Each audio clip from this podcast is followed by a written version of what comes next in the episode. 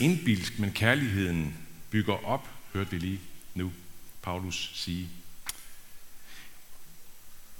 Den indbilske kundskab, det er vores standardindstilling. Med eller uden religion. Menneskets religiøse bedrevidenhed eller menneskets af religiøse bedrevidenhed. Og det er det, Paulus tager øh, det dybe opgør med her i den her sag. Som sådan rent konkret, så, så handler den om det, som vi også lige hørte, ikke? altså det med afgudsofferkød. Kan man som kristen spise øh, kød, der har været involveret i nogle andre religioners ritualer på en eller anden måde, som offer, eller hvad det nu kan være. Kan man det? Og Paulus' helt umiddelbare svar på det spørgsmål, det får vi her i kapitel 8, som vi fik ikke læst hele kapitlet, og så også hen i kapitel 10. Vi får det i øvrigt også i Romerbrevet kapitel 14 og 15. Så det har været en ret omfattende problemstilling, som mange kristne måtte forholde sig til, både i Korinth og i Rom og alle mulige steder der. Ikke? Og Paulus' helt umiddelbare svar, det er, at det kan kristne godt. Kristne kan godt spise sådan noget kød der. For vi tror ikke på, at der findes andre guder, som virkelig er guder. Der findes kun Gud. Så andre religioners guderitualer, religiøse ritualer, de er dybest set tomme, fordi de retter sig ikke mod noget, der er virkeligt. Og desuden, siger Paulus, så, så er vi jo fri. Vi er sat fri af Gud selv fra at skulle opnå hans velvilje og gunst ved at, at have sådan nogle øh, madregler for eksempel, eller andre slags regler, så kan vi ligesom, når vi efterlever det, opnå hans gunst og velvilje. Det har vi ikke brug for, siger Paulus. For Gud har overøst os med sin velvilje og gunst gennem det ene store, endegyldige offer, Kristus. Men, siger Paulus også samtidig, når han svarer på det her, så siger han også, lad være med at bruge jeres frihed til at spise hvad som helst, så I gør det svært for de kristne, som endnu ikke rigtig har fået den her forståelse af det ind i sig, som ikke helt har fattet den her frihed endnu. Lad være med at, at så gøre det i forhold til dem, hvis det er meget, meget svært for dem, hvis I gør det. Men, og det her, det, det, det er Paulus' sådan, det er hans umiddelbare svar. Men han har faktisk en dybere pointe, hvis man læser godt efter. Så har han en dybere pointe. Og den får han frem med brugen af ordet kundskab, som han bruger fem gange bare her i det lille kapitel 8. Han bruger det faktisk otte gange, hvis man læser det på grundteksten på græsk. Så kan man opdage det otte gange, det her ord kundskab. Det er et nøgleord for at forstå, hvad det er, Paulus er ude på her. Han siger jo sådan her, hvad angår det kød, som har været offret til afguderne, så ved vi, at alle har kundskab. Hvad er det lige, han siger der? Jo, det han siger, det er, Korinther, I, I har spurgt mig meget om det her med afgudsofferkød. Kan man, kan man spise sådan noget? Og der har vi jo alle kundskab, alle vi kristne, vi har jo kundskab. Vi ved, hvordan det hænger sammen, ikke også? Vi ved, at der er ikke noget virkelighed i de her afguder, og vi ved, at vi er sat fri og så videre. Ikke? Det er en kundskab, vi alle sammen har, siger Paulus. Men nu skal I høre noget vigtigt, siger han så. Og så drejer han det pludselig 180 eller 360 grader næsten. For så siger han nemlig i næste sætning, kundskaben gør indbilsk, men kærligheden bygger op. Er det ikke mærkeligt, den der drejning? Fordi først så bruger han ordet kundskab sådan meget, meget neutralt, faktisk positivt, ikke også? Vi har alle sammen, vi ved alle sammen, hvordan det hænger sammen. Vi har den her kundskab, ikke? Men, siger han så, kundskaben gør indbilsk. Kærligheden bygger op. Det er det samme, der dukker op lidt længere nede i det, der også blev læst lige før. Hvor Paulus siger det her med, at for os er der kun én Gud, faderen, ham som alt er skabt til, og én Herre, Jesus Kristus, som, som øh, alt tilhører. Men så siger han, men ikke alle har den kundskab. Og der er det vel at mærke kristne, han taler om, når han siger alle. Ikke alle kristne har den kundskab. Det kan man forstå, når man læser videre, hvor han taler om de her kristne, som ikke helt har fattet endnu, hvor, hvor stort og befriende virkeligheden er, når man ser på Gud Fader og Herren Jesus Kristus.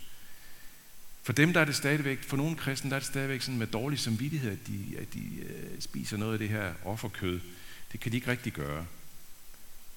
Og så siger han, vi skal ikke bruge vores kundskab til at gøre det svært for disse kristne. Han siger sådan her, så går jo den, der er svag til grunde, som følge af din kundskab. Hmm? Er det ikke mærkeligt? Paulus, som taler klokkeklart om vores evangeliske frihed i forhold til religionens tunge regelbyrde. den regelrette mad, eller, eller hvilket som helst andre regler. Den der regelvejen til Gud. Det er vi sat fri fra i Jesu navn. Væk med det. Men så vender han pludselig det hele på hovedet, og så siger han, at kundskaben om denne frihed kan blive vores nye selvforsikrende vej. Det kan blive vores nye selvophøjende vej over for andre, som, som ikke har den kundskab. Sagt på en anden måde, kundskab, selv den evangelisk befriende kristne kundskab, den sandeste og sundeste kundskab, det kan blive vores redskab til selvforsikring, til selvretfærdighed, til at gøre andre usikre, fordi de øh, er ikke nær så kloge som mig. De har overhovedet de har slet ikke indset det, som jeg har indset. De har ikke samme indsigt som mig. Ja. Når vi ser Donald Trump og Joe Biden øh, i tv i diskussionen, jeg ved ikke, om I så noget af det der forleden, men hvis man ser det ikke også, så er det jo, så, så er det jo nærmest skåret ud i pap, at mennesker, de skal bare overtrumfe hinanden med kundskab, så er det lige meget om kundskaben er fake eller ikke fake. Øh, bare, bare, bare man kan trumfe hinanden med kundskab, ikke? Men vi er i virkeligheden i samme båd, alle sammen. Og den båd trådte vi op i fra det øjeblik, vi spiste af kundskabens træ. Kundskabens træ, I ved den der historie med Adam og Eva og slangen og alt det der, der frister dem. Kundskabens træ, det var fristelsen til at indtage en viden om verden, om godt og ondt, som kunne gøre os selvbestemmende, selvretfærdige, selvophøjende, selvbevidste over for alt og alle, som kunne gøre os til guder i vores eget liv, eller som Paulus skriver, indbilske. Kundskaben gør indbilsk. Kundskaben er noget, vi hele tiden forfalder til at holde hinanden i skak med, og holde os selv op på. Vores viden, vores indsigt, som vi kontrollerer verden eller bare de nærmeste med, som vi holder andre nede med, måske ligefrem holder nede i skam. Vi kan styre tilværelsen, om så det bare er vores lille daglige tilværelse lige omkring os, blandt venner eller familie eller hvad det kan være. Det er et grundtræk ved mennesket, med eller uden religion. Det er vores standardindstilling. Nu lyder dagens tema, som jeg også sagde det første, så lyder det jo sådan her, øh, religion er menneskets standardindstilling, og nu står jeg her og siger, at kundskab er menneskets standardindstilling. Hvad, hvordan hænger det lige sammen? Jo, det hænger meget godt sammen, fordi religion, religion er netop kundskab. Religion er menneskets selvopfundne kontrollerende kundskab om Gud og mennesker og livet og godt og ondt og det hele. I alle mulige udgaver, også faktisk i den ikke-religiøse udgave. Menneskets kundskab. Og det rumsterer i os hele tiden. Selv når vi kommer op i den evangelisk befriende båd, selv der rumsterer det igen og igen i os. Hvad er alternativet? Kærligheden bygger op. Alternativet er kærligheden. Kærligheden rummer en helt anden tilgang til alt. Her slipper man kontrollen. Man slipper bedrevidenheden. Man slipper selvpræstationen. Kærligheden, den sætter os fri fra den her tilbøjelighed til hele tiden at bedømme og dømme hinanden ud fra vores egen bedrevidenhed. Eller for den sags skyld at bedømme og dømme os selv Altså kærligheden sætter os fri fra vores konstante selvophøjelse eller selvfordømmelse. Alle os børn af kundskabens træ, vi får en vidunderlig mulighed for at blive sat fri ved korsets træ, for at blive børn af korsets træ. Kærlighedens børn i stedet for kundskabens børn. Paulus han har lidt længere henne øh, i Korintherbrevet, der har han det her meget berømte kapitel, som mange helt sikkert har hørt, måske for eksempel til bryllupper bliver det ofte læst op, kapitel 13 i 1. Korintherbrev, som blev kaldt for kærlighedens højsang. Og hvor han jo remser en hel masse meget, meget positive ting, i sig selv positive ting op. Og så siger han alligevel, de er ingenting værd uden kærligheden. For eksempel kan han sige sådan her, om jeg så har profetisk gave, skal vi prøve at få det op på slidet, Om jeg så har profetisk gave og kender alle hemmeligheder og ejer al kundskab og har al tro, så jeg kan flytte bjerge. Altså prøv, prøv lige at høre, hvad han siger. Ikke? Det er jo enormt positive ord. Om jeg så har alle hemmeligheder, kender al, har al kundskab, har alt tro, så jeg kan flytte bjerge, men ikke har kærlighed, er jeg intet. Hvad er kærlighed? Hvad er kærlighed egentlig, ud over at være en af vores tids mest forslidte og alt for gratis ord, som man kan bruge i tid og utid. Man kan smide det ind som svar på alt, ikke? Jamen det er faktisk egentlig ikke mærkeligt, at det er den måde, kærlighed bliver både slidt på og, og misbrugt på. Fordi det rummer, en, det rummer i sin inderste natur selve tilværelsens inderste mening, som er relation. Hvordan det? Hvordan skal det forstås? Ja, det står jo faktisk på Bibelens allerførste side. Der får vi det første vink om det. Fordi der står der, at Gud skabte mennesket i sit billede. Og hvad står der så? Gud skabte dem som mand og kvinde. Altså relation.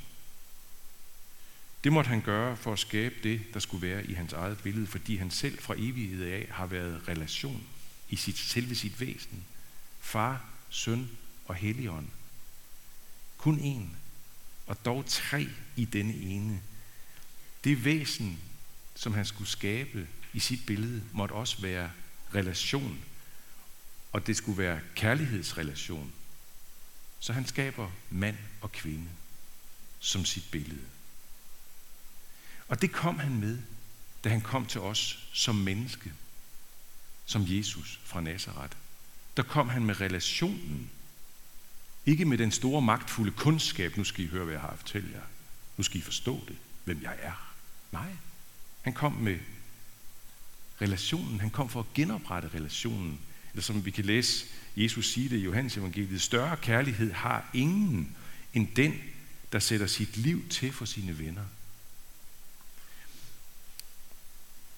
Nogle af jer har måske hørt om ham, øh, Peter Bastian, ham musikeren og forfatteren, som som var meget øh, kendt. Øh, han døde i 2017. Øh, og øh, der skete noget meget forunderligt. Det er der måske også nogle af jer, der har hørt om, måske endda læst hans lille bog om det, eller interviewbog var det, hvor han, der sker simpelthen det i, i 2015, at han bliver døbt. Så et par, par år før han dør. Han laver et enormt skifte faktisk. Han har slet ikke været der i sit liv. Men der sker simpelthen, og det er en længere historie, hvordan det foregår, men, men der sker det, at, at Kristus kommer til ham, han kommer ind i tronen. Og så siger han sådan her, i en bog, der, der blev lavet, øh, en, en, øh, en, en slags interviewbog, der siger han sådan her, det budskab, som jeg begyndte at reagere på, var budskabet om betingelsesløs kærlighed. Altså det der, at vi godt kan opgive drømmen om at blive fuldkommende mennesker – Hele den kultur, jeg før har været involveret i, er en vertikal kultur herfra og op efter. Det her er en horisontal kultur, som handler om, du er allerede elsket. Du er allerede altid elsket. Det er jo titlen på bogen.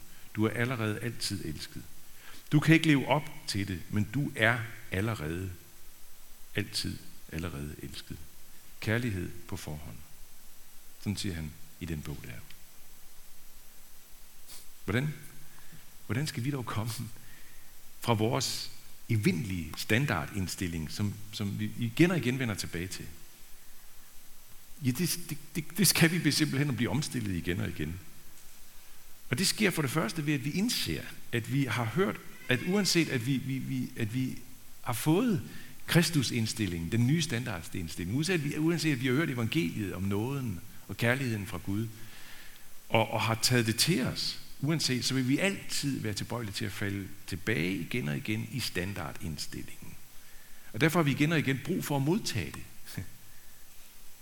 Det er sådan, som Timothy Keller siger i en af sine bøger, vi, vi kan kun forandre os permanent, hvis vi på et stadig dybere plan lader evangeliet fylde vores hjerter og hjerner. Vi må leve af evangeliet, tyk drøv på det, og gøre det til en del af os selv. Det er blandt andet derfor, vi kommer her i kirken, igen og igen. Det er derfor, at man ikke skal blive øh, gudstjeneste doven. Det er derfor, vi skal komme i kirke igen og igen. Det er simpelthen, fordi vi har brug for at komme her, fordi det kommer op til os udefra. Vi kan ikke bare sidde derhjemme selv og tage det, men vi, det, det, det, det bliver på en eller anden måde stærkere for os, når vi får det udefra. Og vi kan tykke drøv på det. Helt bogstaveligt tykke drøv på det. Skal vi faktisk i dag. Hvordan det? Skal vi, når der kommer vin og brød rundt. Så skal vi tykke på kærligheden fra Gud. Så skal vi tykke på det store kærlighedsoffer. Og så vil jeg bare sige til sidst, så skal vi prøve i dag at se på hinanden gennem dette kærlighedens offer. Kærligheden i stedet for kundskaben. Prøv det, når du har modtaget brød og vin i dag. Prøv at kigge dig bare sådan lidt i smul. Du må ikke sidde og glo på de andre, men bare sådan, det er jo coronatid, så må man ikke glo på de andre. Og det må man godt. Men, men, men bare sidde lige stille og bare sådan lige i smug og kigge på de andre, på nogle af de andre. Og prøv at se dem igennem, prøv at have det som en bevidsthed, se dem med kærlighedens øjne. Ikke kundskabens, men kærlighedens øjne. Nåden fra Gud, i stedet for din egen nådeløse kundskab. Lov, tak og evig ære være dig, hvor Gud, Far, Søn og Helligånd, som var, er og bliver en sand treenig Gud, højlovet fra første begyndelse, nu og i al evighed. Amen.